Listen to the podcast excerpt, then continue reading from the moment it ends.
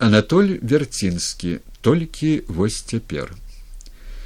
На самай верхняй паліцы кніжнага стэлажа ляжыць сувенірны маракас, своеасаблівы ударны музычны інструмент у выглядзе пары круглых з ручкаю бразготак.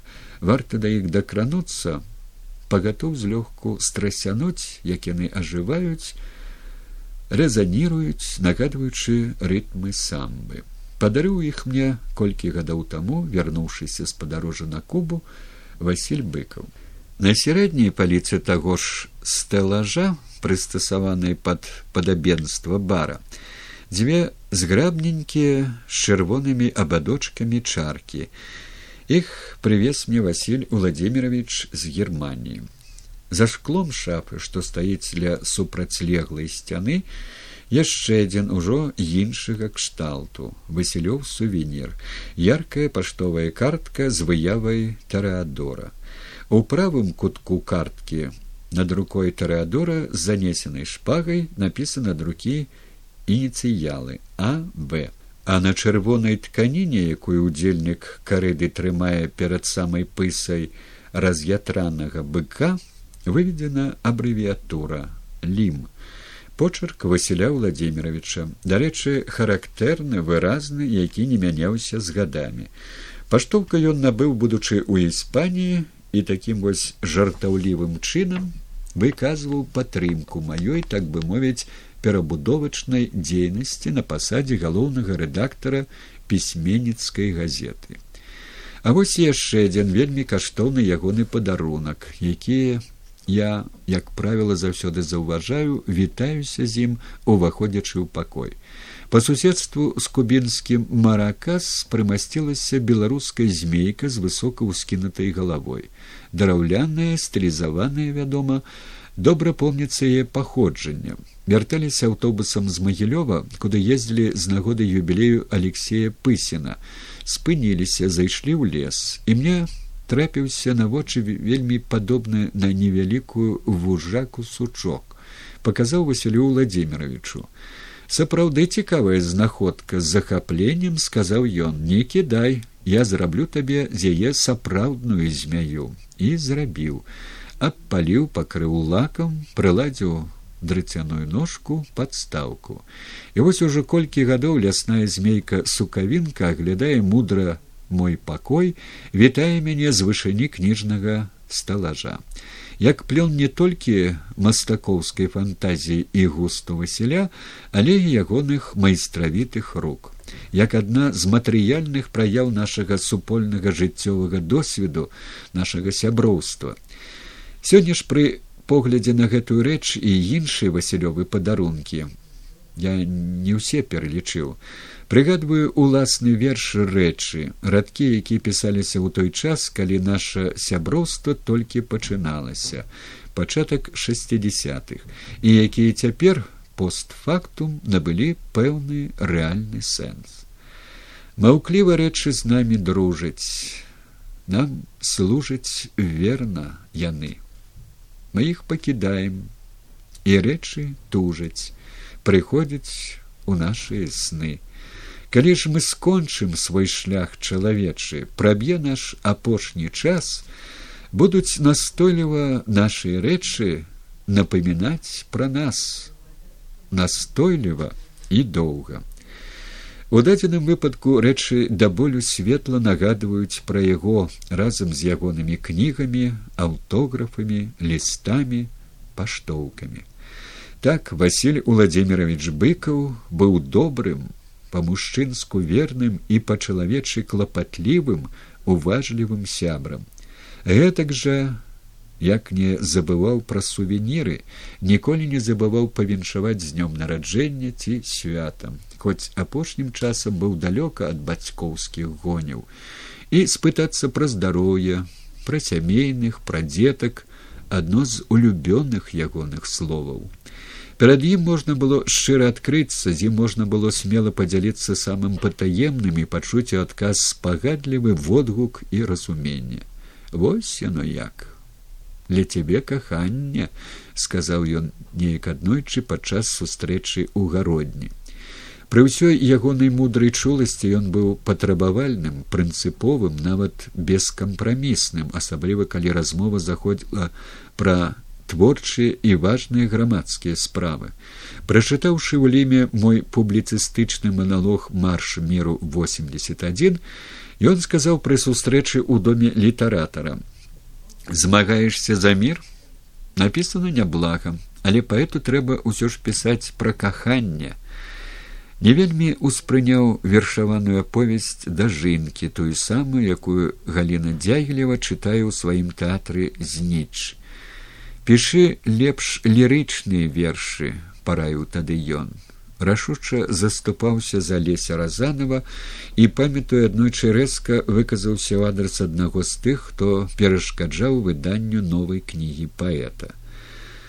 Смерць вялікі мастак партрэтыст і вялікі мах. Яна узбуйняе план абвастрае памяць каталізуе працэс асэнсавання Можа, толькі цяпер пачынаеш усведамляць па-сапраўднаму, якую ролю адыгрываў, як шмат значыў у тваім жыццёвым і творчым лёсе, у тваім грамадзянскім станаўленні Васіль быкаў. Можа, толькі цяпер пачынаеш разумець, наколькі дарагія для цябе самога вершы звязаны з яго імем і яго творамі, у прыватнасць такія як поезд справядлівасці, я перад вами з памяццю сваёй яшчэ невядома хто болей жывы дарога партызанская сярод вялізны на ўвесь свет вайны ліст василю быкаву у хельсінкі а таксама разгорнутая вершаваная эсэ отда магчымасцям мірнага жыцця штрыхі да партрэта василя быкова. Здаецца толькі цяпер задумаўся і над наступнымі фактамі сваёй біяграфіі. Пэўна ж дзякуючы найперш яму стаў спрабаваць свае сілы ў галіне літаратурнай крытыкі. Гэта калі ў чэрвені 1962 года змясціў на старонках ліма рэцэнзію на аповесць трэцяя ракета прачытаў на адным дыханні аповесць і неяк амаль спантанна. Узяўся пісаць водгук а потым пазней надрукаваў у тым жа выданні гутарку з празаікам які на той час працаваў над аповесцю мёртвым не баліць ну а затым у розныя гады з'яўляліся рэцэнзіі і артыкулы прысвечаныя спектаклю паводле аповесці пайсці не вярнуцца зборніку літаратурнай крытыкі і публіцыстыкі праўдай адзінай такім творам як аблава і сцюжа больш затое нават дзякуючы яму браў аднойчы ўдзел у стварэнні опернага лібрэта гэта калі сумесна з рэжысёрам сямёнам штейнам пісаў лібрэта оперы сцежкаю жыцця музыка генрыха вагнера